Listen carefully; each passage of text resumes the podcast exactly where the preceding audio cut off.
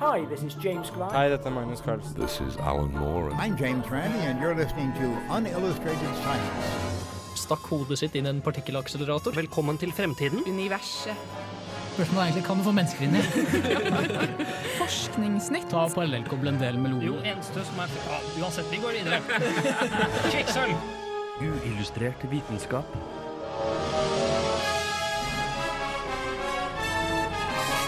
Science, it works, bitches.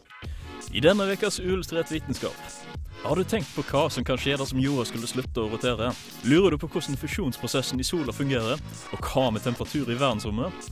Vi i Uillustrert skal snakke om dette, og i tillegg tar vi turen innom seismografer, og kanskje den største astronomiske oppdagelsen noensinne. I'm James Randi, and you're listening to Unillustrated Science. Hallo og hjertelig velkommen til denne ukas sending av Uillustrert vitenskap. Mitt navn er Andreas Haugland, og jeg skal være programleder for dere i kveld. Med meg i studio har jeg Andreas. Eh, Du har eh, Spaceboy med deg i studio. Jeg har Spaceboy med meg i studio. Jeg har Andreas med meg i studio. Hei, hei. Og så har vi som vanlig Martin Hei. og Håkon. Jordskjelvgutten. Jordskjelvgutten, Ja. Ja, ja, ja. ja, Andreas, hva har du gjort på i det siste? Jeg har eh, gjort uh, mye rart. Uh, jeg har en fun fact, skal jeg si deg. Ja, du har det? Skal du si skal du si en for dårlig sum? Nei, jeg må, jeg må switche. Så eh, i sola så er det sånn veldig stor balanse mellom eh, et veldig sånn stort trykk som skapes i stjernas indre, Mhm. og tyngdekraften som presser alt inn. Ja. Og når eh, det trykket som går utover, kollapser i en stjerne, så går all massen inn mot sentrum i hva som kalles en nøytronstjerne. Mm. Og massen er såpass konsentrert i en nøytronstjerne at hvis du tok en sukkerbit av nøytronstjernematerialet, så ville jeg veid 100 millioner tonn. Ja. Så jeg, jeg ville ikke putta den i teen min, for å si det sånn. Wow, wow, wow. Vi når et nytt lavere nivå med vitser, Ja. og, eh, i, fun- spesielt i funfactene våre. Ja. Men vi skal snakke litt mer om en uh, annen type fact. Og det har du uh, sett litt på? Ja, jeg tenkte egentlig jeg skulle bevege meg litt mer ned mot jorda i forhold til det jeg om før. Men ikke helt ned. Ja, jeg å snakke litt om jordas rotasjon. da. Ja, fortell, fortell. Ja, altså, Som alle sammen vet, jeg tenkte jeg skal begynne litt sånn rolig her. Eh, med at Alle vet jo at jorda roterer både rundt sin egen akse og rundt sola. Og rundt sin egen akse tar det 24 timer, og rundt sola tar det 365 dager. Um, men dagene har ikke alltid vært så lange. Uh, faktisk, For uh, rundt 65 millioner år siden, når dinosaurene fortsatt levde, så var dagen bare 16-18 timer lang. Men hvorfor var dette, da? Altså, Var det pga. rotasjonshastighet, eller? Uh, ja, det var egentlig da pga. at månen den sto mye nærmere jorda før. Og hvert år så trekker månen seg lenger unna jorda med ca. 3 cm. og det påvirker egentlig verdens, det påvirker verdenshavene, da. Som gjør at ca. én gang hvert år Eller ja, ja ca. én gang hvert år. eh, så vil månen da stå på et visst punkt eh, over jorda, som da gjør at det skapes to bølger Mhm. eh, på hver sin side av jorda, og de sakter ned rotasjonen. Okay. Så cirka, det er jo ikke så mye de snakker om, men ca. hvert hundrede år så mm, blir jordas rotasjon sakta ned med ca. 1,7 millisekunder. ok, Så det, det er såpass noterbart så det, altså. Så, Ja, det så sånn- jorda surfer på bølgene til månen. Eh, Ja. Ja. det- Ja. Heng Du er inne på noe der, altså. Surfs up. Men jeg tenkte jeg skulle um, eh, jeg tenkte liksom jeg skal nevne litt på det du snakket om tidligere, Håkon, om korallrevene. Ja, stemmer. Det er interessant. Ja, eh, det er egentlig bare at måten de merker det For at dette er egentlig ganske, eller ikke veldig nytt, men det er litt nytt. Eh, hvordan de faktisk kunne merke at månen bevegde seg lenger bort, det er jo pga. korallrevene. Du kan jo se på dem på sirklene hvor gamle de er. Og Litt sånn som årringer eller Ja, portrener. ja, Ja. Mm. helt riktig. Blir det et skikkelig ringkorallrev hvis det er gammelt? Gamle ring. ringkorallrev. Ja, og du kan i hvert fall kun se Eller du kan se da For at de vokser kun i dagslys. Eh, og derfor kan du da se ja, hvor mye de har vokst av pga. de tidevannsbølgene. Ja. Men jeg tenkte jeg skulle gå inn på litt, eh, litt teorier, da. Ja. Um, og det er altså teorier om rotasjon, eller korallrevene som vi snakker om nå? Nei, vi er ferdig med korallrevene. Ja. Ja, for det er jo Det som er ganske skummelt å tenke på, er jo det. Hva om jordrotasjonen plutselig skulle stoppe? Kan det egentlig skje? Nei. Nei. Da vil jeg egentlig si at vi krever en stor brems, som rett og slett er på størrelse med planeter. Ja. Og da vil Det er litt urealistisk, tenker jeg. En da liten planetkollisjon, for å si Ja. sånn. Hører jeg en moren din-vits snart, eller? Ja, men det som egentlig vil skje da hvis jorda plutselig skulle stoppe, eh, det er egentlig at alt som Det første som vil skje, det er at alt som ikke er planta ned i jorda, sånn som for eksempel da fjell og den Ja. type ting Er det mora di? Der kom den. Ja. Tok ca. ti sekunder. Trengte ikke vente lenge på den. Altså. Ja. Men det som vil skje, da, det er at siden, eh, siden jorda roterer ca. 465 meter i sekundet ved ekvator, så vil de tingene da som ikke er planta fast i bakken, fortsatt ha den farten. Og da da høres det ut som det ikke er veldig gøy. Nei, egentlig. så du flyr med andre ord fortsatt i den retningen, da. Ja. I 800 meter i sekund. Nei, miles per hour er det vel cirka. Ja, ja noe jeg. sånt. Ja.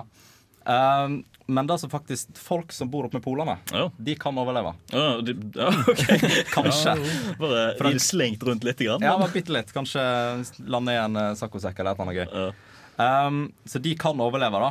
Uh, men sjansen er selvfølgelig veldig liten. Uh, det, som først, det som vil skje etterpå, det er at vi vil få utrolig mye naturkatastrofer. Været vil bli helt forandra. Uh, pluss at dagene vil jo da være 365 dager lange. Mhm. Og det er jo, det er jo litt kjipt, da. Uh, Og siden jorda da ikke roterer, så forsvinner magnetfeltet òg. Som gjør at uh, veldig mye radiasjon og den type ting vil komme fra sola og bare ja, fuck opp hele planeten, kan en egentlig si. Topp stemning, med andre ord. Ja, kjempegøy. Uh, og så har jeg en liten fun fact på det òg. Enda en? Ja, Ja. dette blir gøy. Perfekt. Kroppen er klar. Ja, Det som egentlig vil skje dersom, um, dersom jorda stopper, det er at du vil faktisk gå opp i vekt. Du vil gå opp i vekt? Du vil gå opp i vekt okay. med 0,3 Og det er fordi at um, de to hovedkreftene Nå tar jeg ikke med absolutt alle kreftene som påvirker oss på jorda. Du tenker bare opp og ned? Jeg tenker egentlig på selve rotasjonen og nedover. Mm. Eh, Det er egentlig da at Hvis du tar vekk den ene, og, kun, og slik at kroppen kun merker den som går rett inn mot jorda, eh, så vil du rett og slett gå opp i vekt. Det er gjort, Hvis jeg skulle ha diskutert hele den studien, så hadde vi tatt flere timer. Kan illustreres enkelt med vektorer og kraft, kraftvektorer. Ja. si sånn. Eh, ja, det var egentlig teori nummer én. Tenkte jeg skulle ta teori nummer to kjapt. Uh, og det er egentlig bare da at uh, det vil egentlig skje det samme som i teori én, bare at det vil velge mye mer gradvis. OK. Uh, og da vil folk selvfølgelig ikke fly rundt i eh, mange hundre meter i sekundet.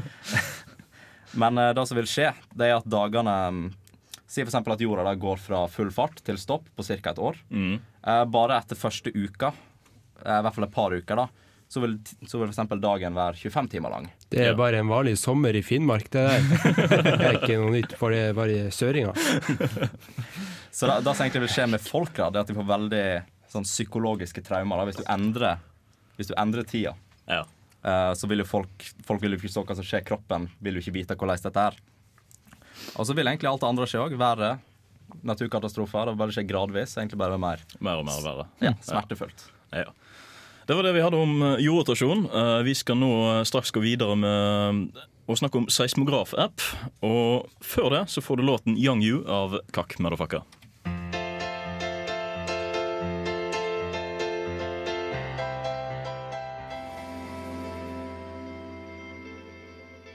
Hey, this is Phil Plate from Bad Astronomy, and you are listening to Unillustrated Science on Radio Revolt because science is awesome. Den nye appen jobber rolig i bakgrunnen mens mobilen ligger flatt på stuebordet. Verken lyder av dører slår igjen eller tallerkener som knuser, gir utslag på appen. Men i det øyeblikket den føler noen tegn til jordskjelvristing, da setter den i gang arbeidet. Den nye appen heter MyShake, og om du har en Android-telefon, kan du laste ned på Google Play. Selv om det kanskje ikke er like relevant om du befinner deg i Norge. Appen er utviklet av et team med seismologer og dataforskere, ledet av Richard Allen og en mann med det over middels kule navnet King Kai Kong ved Berkeley i California. Appen fungerer ved at den tar i bruk din smartphones akselerometer, og ifølge Allen var en av de største utfordringene når de lagde appen, hvordan de skulle lage en algoritme som klarte å skille jordskjelvristing fra all annen type risting. Samtidig ønsket de at den skulle være strømsparende, så det utelukket muligheten for å sende datapakker konstant til forskerne. Etter mange mange forsøk hvor de etterlignet jordskjelvlignende risting, kom de fram til en algoritme som møtte kravene. Men det er ett problem. MyShake fungerer ikke fra lommen din. Appen gjør hovedsakelig to ting. Det første skjer umiddelbart ved tegn på skjelv. Da sender den ut en liten pakke med data til forskere ved en sentral jordskjelvdatabase på kun millisekunder. Denne datapakken inneholder informasjon som opprinnelsestiden til skjelvet, stedet det befinner seg på, og et cirka estimat på styrken.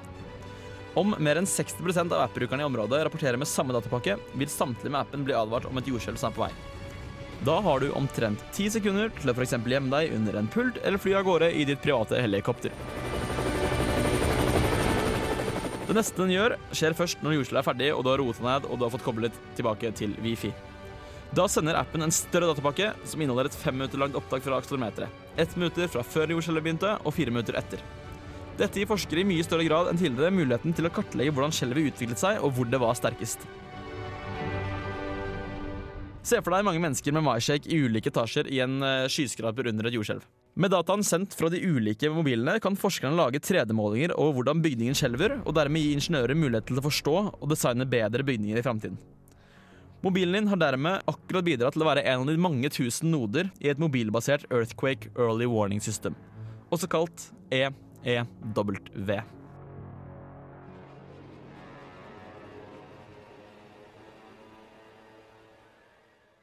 Ja, EEW. Det er nodenettverk der. Som, hva står det for, sa du? EEW står for Early eh, Earthquake Warning. OK. ok Har du lasta ned den appen sjøl? Har du Jeg prøvd har ikke det, altså. Eh, Jeg har ikke det, jeg har iPhone, skjønner du. Så Ja, jeg har ja, ikke, så det er ikke- kun for Android. ja. Ja. Men jeg har hørt at de har noe som heter iShake. da Jeg vet ikke om det er samme greia. Det er en danseapp eller hva Det Hvis du har den i neven og rister den, Ja, så, ja, så kommer det risterskala. men Litt sånn, ja. Mm. Nei, men uh, den appen her um, Altså, det er en reaktiv ikke en proaktiv app.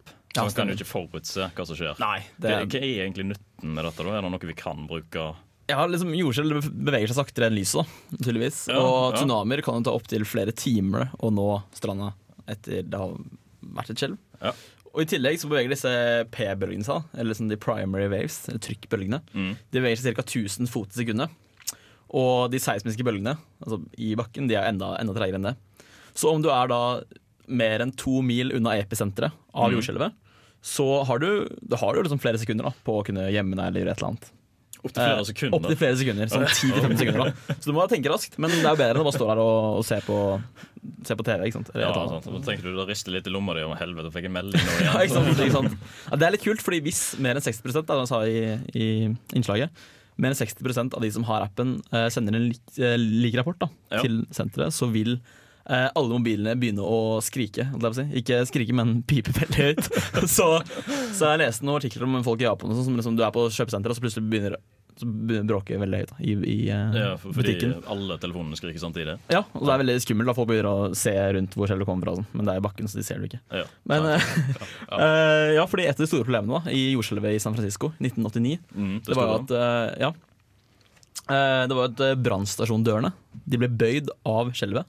Ikke? Før de rakk å vite at det, ja. Mm. um, men nå er alle disse brannstasjonene koblet opp mot sånt system, da. så de, kan, de, de åpner seg. Sånn at ikke det Ja. skal skje igjen. Ja. Mm, så det er dritsmart. Da redder vi folk. Da viser det seg at uh, de få sekundene du har til å tenke på, er nok. likevel. Ja, ikke sant. Så det er bra. Ja. En god dag for verden. Veldig god dag for verden. Du kan laste ned på Google Play. Tyngdekraften. Å ja, han har jeg hørt om. Galileo Galilei. Det er jo for godt til å være sant. Lars Monsen. Dette setter jeg pris på, ass. Tycho Brahe. Mm. Ah, krass fysikk.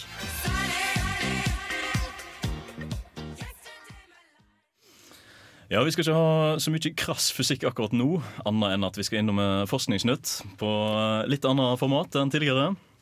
Eh, forrige uke så snakka vi om uh, Wendelstein-stelleratoren i Tyskland. Det var en stellerator stellarator som for første gang hadde klart å produsere en hydrogenplasma på 80 millioner grader. Nå har kinesiske forskere klart det samme sjøl, faktisk. Eh, mener, jeg tror ikke det var i en stellerator, men kanskje en mer tokamak-lignende eh, fusjonsreaktor. Og de har klart å produsere hydrogenplasma som holder 50 millioner grader celsius i 102 sekunder.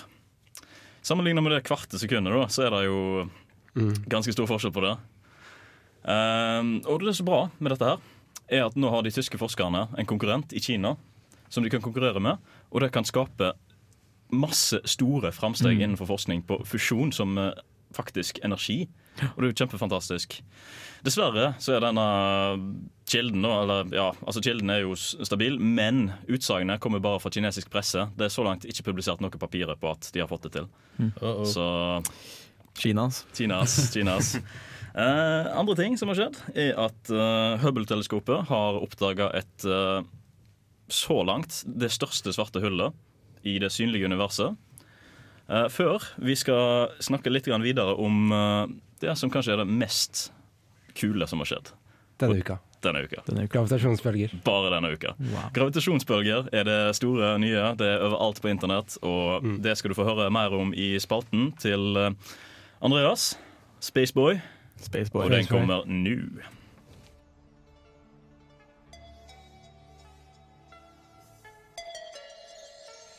Da Einstein publiserte sin banebrytende teori om generell relativitet for over 100 år siden, lagde han flere forutsigelser. Den eneste av disse som ikke har blitt påvist enda, er eksistensen av såkalte gravitasjonsbølger.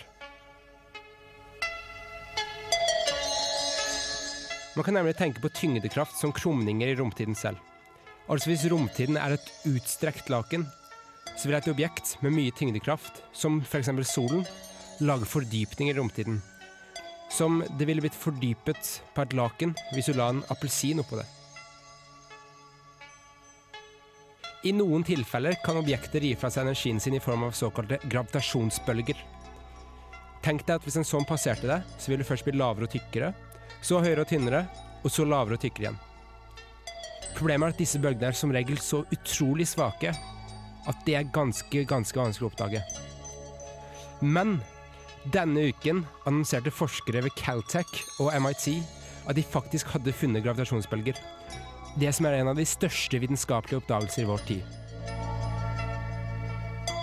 Funnet ble gjort ved den såkalte Advanced LIGO-detektoren. Som var satt opp for å oppdage akkurat dette. LIGO funker ved at en laser vil skutt ned en lufttom korridor. Hvor den ved et punkt blir splittet inn i to like lange sidekorridorer og skutt tilbake av et speil. Hvis disse to laserstrålene ikke plukker opp en endring i banen sin, så vil de komme tilbake helt like og tilintetgjøre hverandre i hva som kalles destruktiv interferens. Men hvis en gravitasjonsbølge passerer forbi, så vil dette lyset ri denne bølgen som et surfebrett. Og akkurat som en bølge etter at den har blitt surfa på, så vil denne bølgen komme inn til stranda igjen i en litt endra form, som så kan måles. Dette er utrolig ømfinnelige målinger, og det er grunnen til at det har gått såpass lenge før gravitasjonsbølger ble oppdaga. For de er vanligvis så utrolig svake. Advanced Lego kan måle endringer så små som en tusendels lengde av et proton.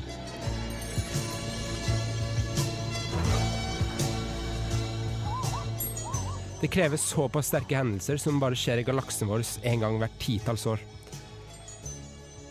Sterke nok bølger kan oppdages ved at objekter av utrolig store masser går i baner rundt hverandre på utrolig kloss hold. Dette kan være i form av nøytronstjerner, som jeg nevnte i funfacten min tidligere i denne episoden. Men her er det i form av svarte hull som kolliderer med hverandre. Her er det snakk om to svære svarte hull som kolliderte i en fjern galakse for 1,3 milliarder år siden. Disse startet med masser på henholdsvis 29 og 36 solmasser. Og da disse kolliderte, ble hele tre solmasser konvertert til energi i form av gravitasjonsbølger. Og dette samsvarer med verdens mest kjente ligning, E er lik MC andre, som også han godeste Einstein kom frem til, som sier at energi og masse er to sider av samme sak og kan omgjøres til hverandre.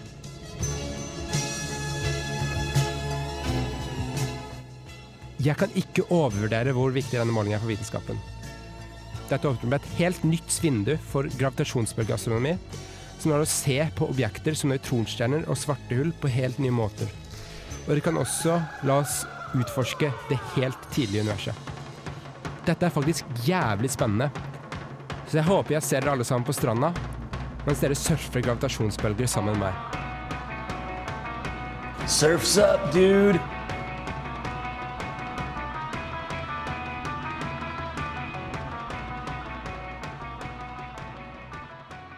This is Alan Moore, and you're listening to Unillustrated Science. Ja, altså Surfs Out. Uh, dette er faktisk ikke den første på en måte beviset vi har hatt på dette. Uh, dette er den første direkte målinga av gravitasjonsbølger. Men eh, vi har faktisk uh, gitt ut en Nobelpris før for en slags indirekte observasjon for det. OK. Fordi i 1974 så observerte to forskere at en, to nøytronstjerner kolliderte, var det vel, Ja. Og at noe av den massen forsvant som energi. Og de fikk jo ikke målt eh, gravitasjonsbølgen, men de fant ut at den, den massen forsvant og ble energi på en eller annen måte, og den eneste forklaringa var gravitasjonsbølger. Akkurat, ja. Så det var hva nobelprisen i, i 92 for fysikk i, gikk til. Akkurat. Ja, eh, altså Du sier jo disse bølgene er svake. Altså Ville ikke sånn som Håkon Jo, Håkon snakker om.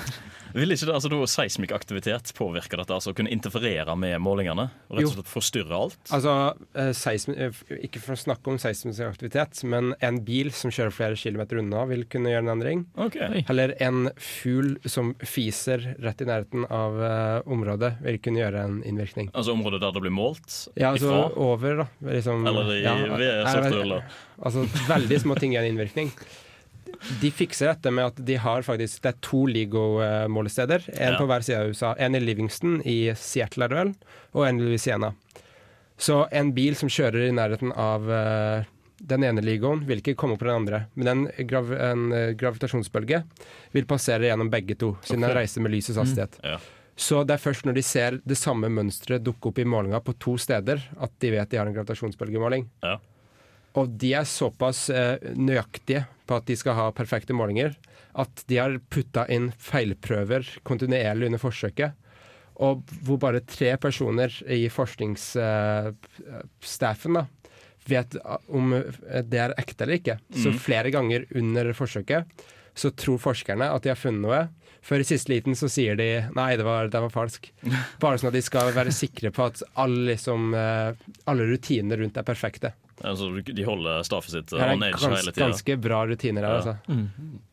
Ja, spørsmål. Eh, Kan disse laserne liksom oppdage hvor svarte hullene er? Kan de retningsbasert? Eh, ja, altså de kan bruke hvordan bølgen kom, inn, uh, kom inn, hvordan den har påvirka dette lyset, Mm. uh, til å vite sånn cirka hvor det er. da. Ikke så fryktelig sikkert, siden dette er jo he på hele himmelen og kjempelangt unna.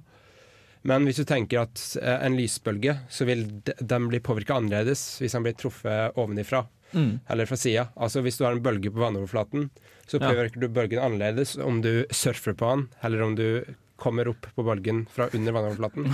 Og det som er utrolig interessant, det er at også samme uka så har det vært en eh, sånn oppdagelse av en såkalt uh, gamma ray burst, var det vel? Ja.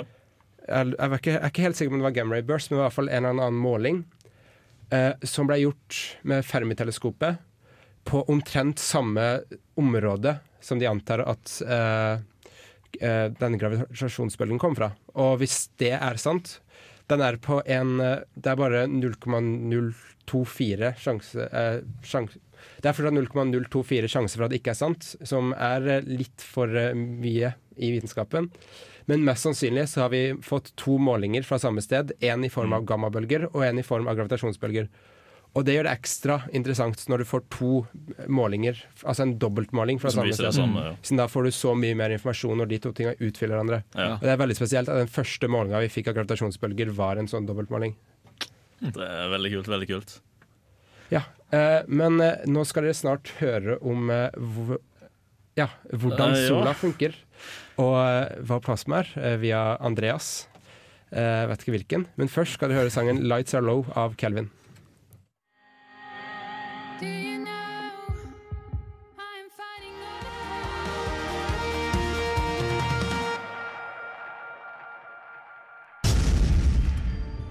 Hei, jeg er Knut Jørgen Røde Ødegård.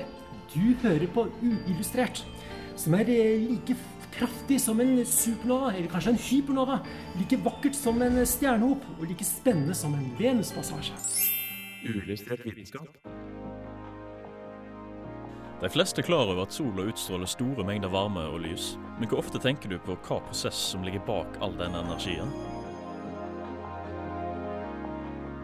Den korte forklaringen er at stjernene genererer energi fordi det er store, massive fusjonsreaktorer. Men for å gi et mer detaljert bilde på hvordan stellar energi, altså stjerneenergi, blir produsert, må en ta en kikk på hvordan stjernene formes og se på nebulateorien. Stjerner formes ved at store skyer av gass og partikler, nebula eller stjernetåke, kollapser under trykket fra sin egen gravitasjon Og denne kollapsen skaper en overflødig mengde varme og trykk, som i sin tur setter i gang en kjernefysisk reaksjon, som fusjonerer eller smelte sammen lettere grunnstoffer til tyngre grunnstoff. Under fusjoneringen blir noe av massen til nukleidet ikke bevart, og danner til fotoner. Og det er disse fotonene som er energien som blir utstrålt og når fram til jorda. Fusjoneringsprosessen og temming av det enormt varme plasmaet er noe som en på jorda ønsker å ta i bruk i fusjonsreaktorer. Men hva er egentlig plasma? Plasma er en fjerde og den mest vanlige aggregatformen for materie i det synlige universet. Da selvsagt sett bort fra den hypotetiske mørke materien. Hva, sier du? Fins det mer enn tre aggregatformer? Ja, det finnes fire. I tillegg til fast stoff, væske og gassform har vi plasma. Alle stjerner består stort sett av plasma, og til og med interplanetarisk, interstellart og intergalaktisk materie, altså materie mellom planeter, stjerner og galakser, er plasma. På jorda så kan vi finne plasma i form av lyn, nord- og sørlys, polarvind eller i fluoreserende lamper, plasmaflatskjermer og lysstoffrør. Plasma er en ionisert gass, altså en gass med positiv eller negativ ladning, som følge av at den har mista eller fått tilført et elektron. Med nok energi tilført vil elektroner bli fridd fra atomer og molekyler og reise sammen med nuklidet det blir frigitt fra i plasmaskyen. Dette fører til at både ioner og elektroner eksisterer sammen i plasmaet, en annen betingelse for at stoffet skal være en plasma og ikke en gassky, er at partiklene må ligge nært nok andre partikler, slik at hver enkelt partikkel påvirker mange andre ladede partikler, og ikke bare nærestliggende partikler. Gasser kan bli plasma på mange måter, men alle innebærer å tilføre energi til gassen. En gnist kan deretter omforme den til plasma, og i sola så skjer dette ved at varmen fra fusjonsprosessen rett og slett river elektroner løs fra hydrogen- og heliummolekylene. Ja, og um, i denne romaktuelle sendingen så tar vi jo opp det med nettopp sol og fusjon. Og ikke minst fordi fusjonsprosess har vært så aktuelt i forskning i det siste. Mm. Det enkleste er jo nettopp å begynne med det som vi kjenner allerede. Fusjonsprosessen i stjerner. Mm. Uh, fordi, altså For å få en forståelse da, for hvordan altså, vi kan temme denne fusjonsprosessen, rett og slett. Ja, men altså, der lurte litt på, hvordan ble egentlig plasma skapt? Altså, Plasma er en gass, egentlig, bare at den er ionisert. Ja. Uh, og den kan bli skapt på veldig mange måter, men alle innebærer at en tilsetter energi til gassen. Uh, dette gjør da at uh, altså en gnist kan føre til at gassen blir til en plasma. Og det er fordi det rives løs elektroner ifra gassen. Sånn at elektronene flyr sammen med nukleidene, altså molekylene og atomene i plasmaen og koeksisterer sammen med uh, nøytroner. Ja. Så det er ganske fancy, egentlig. da. Altså, plasma er jo det som er den, ja, kanskje den mest vanlige aggregattilstanden vi har, rett og slett. Mm. Ja. Ja, solen har jo ganske mye plasma i seg. Hvor ja. mye energi produserer solen? Sola er jo, eh, som vi sa, sola er stjerne, og det er en kjempestor fusjonsreaktor. Det produserer ja, som fusjonerer ca. 620 millioner tonn med hydrogen hvert sekund. Ja, ok. uh, så det, altså det, tilsvarer på ett sekund at det produserer nok energi til å skape energi for New York City i uh, ja, ca. 100 år, tror jeg det var. Oi. Frem i tid. En av verdens største byer med mest lys. Bare ett sekund. Ja. Så Se for deg det hvis du klarer å få noe lignende på jorda i et kontrollert miljø. Det kan brukes til så utrolig masse. Ja. Mm. Hvordan? Eh, ja. Eh, sola vår produserer jo helium, eh, ja. og hydrogen og helium er jo de mest vanlige stoffene i universet, så det gir jo for så vidt mening. Mm. Men åssen er det stjerner produserer liksom tyngre elementer som jern og ja. ja. Uh, til og med altså, I sola vår så finnes det allerede en liten prosentandel av jern og tyngre elementer. Men det er først når uh, sola går tom for hydrogen som brensel, at de virkelig tunge prosessene, altså fusjonsprosessene, skjer. Det første som skjer er når det er tomt for hydrogen, er at de begynner å fusjonere eh, helium i stedet for. Stjernene blåses opp til en stor rød kjempe og fusjonerer helium til karbon. Og så gjentas for de, sto, de virkelig store stjernene da, med virkelig stor masse, så gjentas denne prosessen mange ganger. Altså fra helium til karbon, fra karbon til oksygen, oksygen til jern osv. osv. osv. De stjernene som til slutt har brukt opp alt sammen som de klarer å fusjonere ved sin egen masse, de kollapser og blir enten eh, så skaper en supernova. Og i denne supernovaen så frigjøres det så masse energi og nøytroner at de virkelig tunge, sånn som uranium og plutonium og gull, virkelig tunge metallene, blir eh, produsert. Eh, Ja, det er vel ofte med jern at stjernen slutter å produsere, eller begynner å kollapse, siden alle fusjoner opp til jern eh, skaper energi. Mm, mens jern eh, krever. jern krever energi for å skape det. Mm. Og det er den energien den kom ifra eh, supernova-eksplosjonen, rett og slett.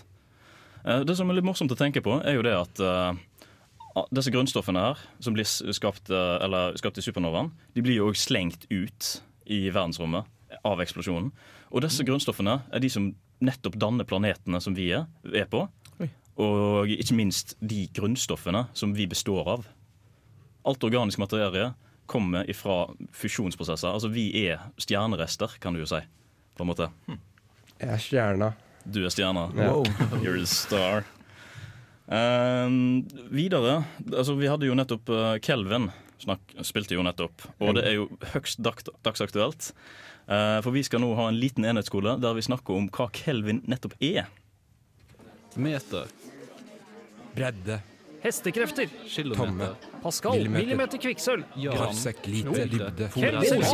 Fahrenheit. Enhetsskolen. Yes. Uh, da skal vi snakke litt om Kelvin. Litt om Kelvin? Ja, ja, ja. Kelvin er jo en uh, fin eh, skal vi si måleenhet for temperatur. Den brukes veldig mye i fysikk. Mhm. Og det er fordi null Kelvin er det absolutte nullpunkt. Det er så kaldt som det blir. Fordi temperatur kommer ofte eh, av eh, Skal vi si når Bevegelse. Bevegelse. Ja, bevegelse i atomer og sånn. Mm. Når eh, den beveger seg, så det, skaper det temperatur. Uh, ved null kelvin så er det ingen bevegelse, og siden vi ikke kan få negativ bevegelse, så kan vi ikke gå under Mm. null kelvin. Mm. Uh, null kelvin ligger på ca. minus 273,15 grader Ja. celsius.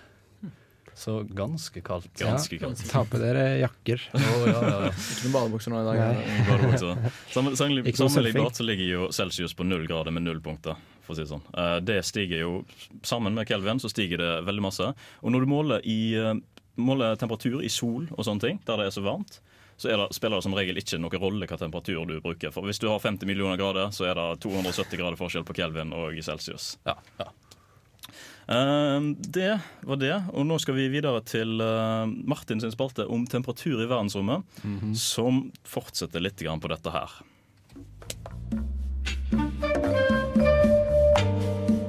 Hvis du står inne i hybelen din og holder et termometer, vil du se at temperaturen mest sannsynlig ligger på 15-24 grader celsius, avhengig av isolasjon og strømregningsbudsjettet.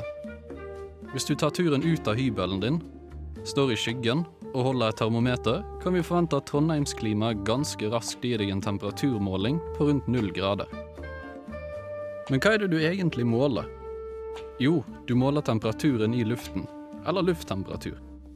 Dette kommer av at temperaturen til luften overføres til termometeret.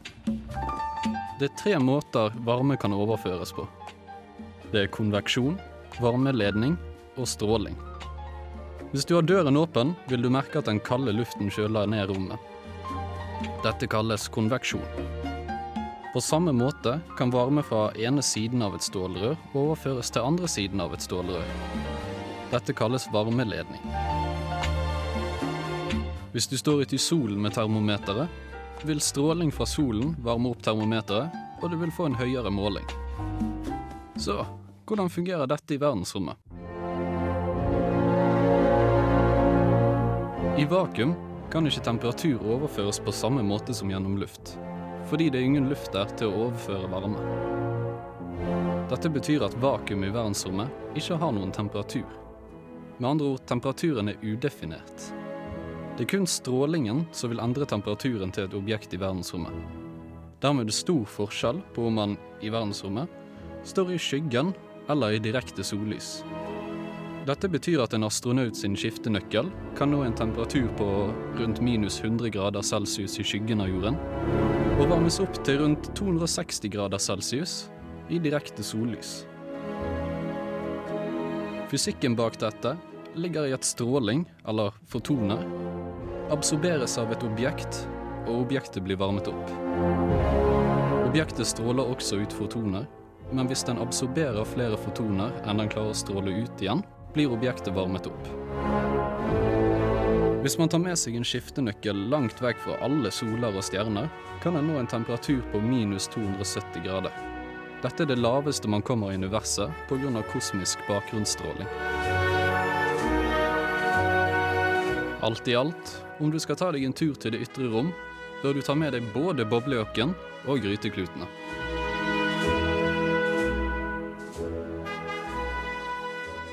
Hei, og vi er tilbake.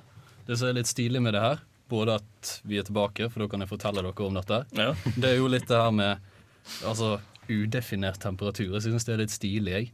Fordi siden vakuum består av ingenting, så kan det liksom ikke ha noe temperatur. Og jeg bare synes det var litt tøft. Det er veldig det, kult. Det, har jeg faktisk aldri, det, tenkte, det hadde jeg ikke tenkt over før, før jeg ble fortalt det av, eh, av en god venn av meg og tidligere radioprater.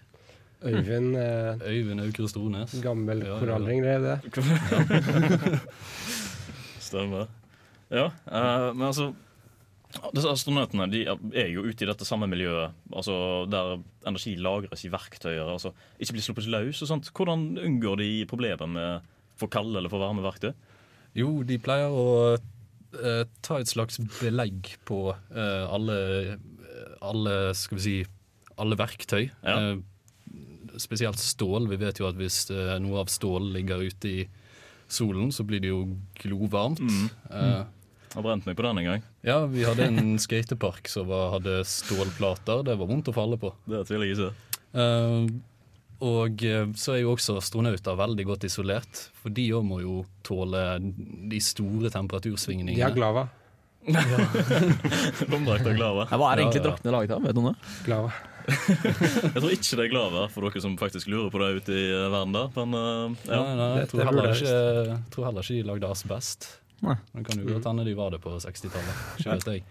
Men uh, de må jo ha ganske gode temperaturreguleringssystemer. Altså de må ha noe så uh, kjøler de ned når de står i, minu, nei, står i 100 grader, eller eller over 200 grader. Og de må ha noe som varmer de opp når de er nede i minus 100. Mm. Ja, det, er sånn, det er sånn vann som går rundt i drakta, og så er det trykkutjevning og alt sånt. Ja. Oh, Det må være noe fancy teknologi her Ja. man skal overleve så langt ute. ja. Hvordan? Ja, eh, En annen utrolig ting, interessant ting som skjedde denne uka, eh, som jeg ikke får snakka om som en sak, det er at det er en del sånne greier om at vi kanskje har funnet en niende planet. Fordi noen ganske altså, flinke forskere, eh, Bettigen og Brown, det var de som eh, sto, veldig mye sto bak å drepe Pluto, har eh, Litt dårlig ja, samvittighet. ja, men f- fuck Pluto. altså, men de har sagt at de har sett bevegelser av objekter i det ytre solsystemet mm. ved to forskjellige steder i Kuiperbeltet som tilsier at det fins en eller annen svær gravitasjonskilde der ute. Som kan forklares veldig bra ved at det fins en niende planet på størrelse med Neptun. Det er jo veldig kult. Mm. Så de som tok Pluto fra oss, kan kanskje gi oss en planet, Plan, eh, plan, planet, ja. en planet eh, igjen. Det er ikke lov å si feil her. Nei, nei, her, i programmet så påpeker vi alle feil. Det er veldig viktig. Ja, apropos uranium. uranium Uran. Uranium, det hørtes eh, veldig engelsk ut. Eh, det er ikke så ille som det å si silikon i stedet for silisium, da, men eh, jo da. Nå kommer neste siste låt, og det er 'State of Joy' av Redheaded Sluts.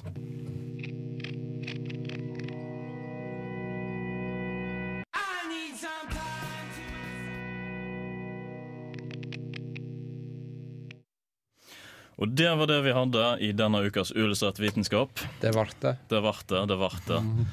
Eh, vi får ta neste sending på nynorsk, da. Ja, hele sendinga. Hele sendinga. har kjekt for meg, da. Nei, eh, du finner oss som vanlig på um, Facebook. Vi tar gjerne imot spørsmål og absolutt alt om du har noe du har lyst til at vi skal snakke om. Så blir vi veldig glad for input. I tillegg så må du gjerne gi oss en like. Podkast legges ut direkte etter sending, og det finner du på underdusken.no og Og, eh, iTunes, iTunes. blant iTunes, annet. Ja. Um, vi vil gjerne takke vår eminente tekniker Endre for en fantastisk jobb i dag. Takk, Endre. Takk, Takk, Endre. Takk, Endre. Tusen takk, Endre.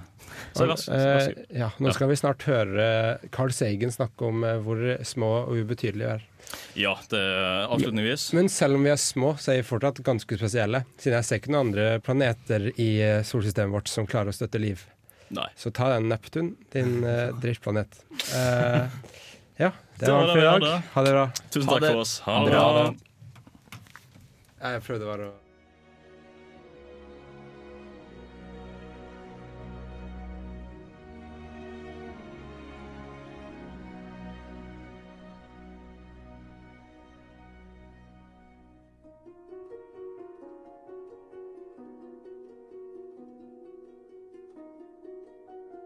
From this distant vantage point, the Earth might not seem of any particular interest. But for us, it's different. Consider again that dot. That's here. That's home. That's us. On it, everyone you love, everyone you know, everyone you ever heard of, every human being who ever was, lived out their lives the aggregate of our joy and suffering, thousands of confident religions, ideologies, and economic doctrines, every hunter and forager, every hero and coward, every creator and destroyer of civilization, every king and peasant, every young couple in love, every mother and father, hopeful child, inventor and explorer, every teacher of morals, every corrupt politician, every superstar, every supreme leader, every saint and sinner in the history of our species lived there, on a mote of dust, suspended in a sunbeam. The earth is a very small stage in a vast cosmic arena. Think of the rivers of blood spilled by all those generals and emperors, so that in glory and triumph they could become the momentary masters of a fraction of a dot. Think of the endless cruelties visited by the inhabitants of one corner of this pixel on the scarcely distinguishable inhabitants of some other corner. How frequent their misunderstandings, how eager they are to kill one another, how fervent their hatreds.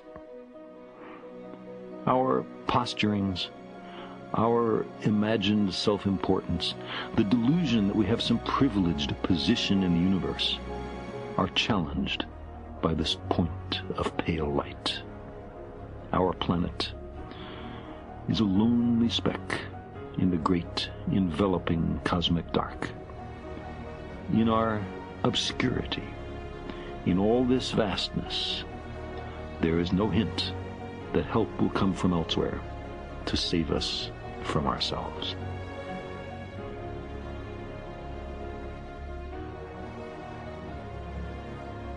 It has been said that astronomy is a humbling and character building experience.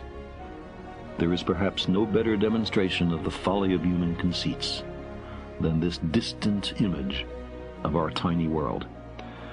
To me, it underscores our responsibility to deal more kindly with one another and to preserve and cherish the pale blue dot, the only home we've ever known.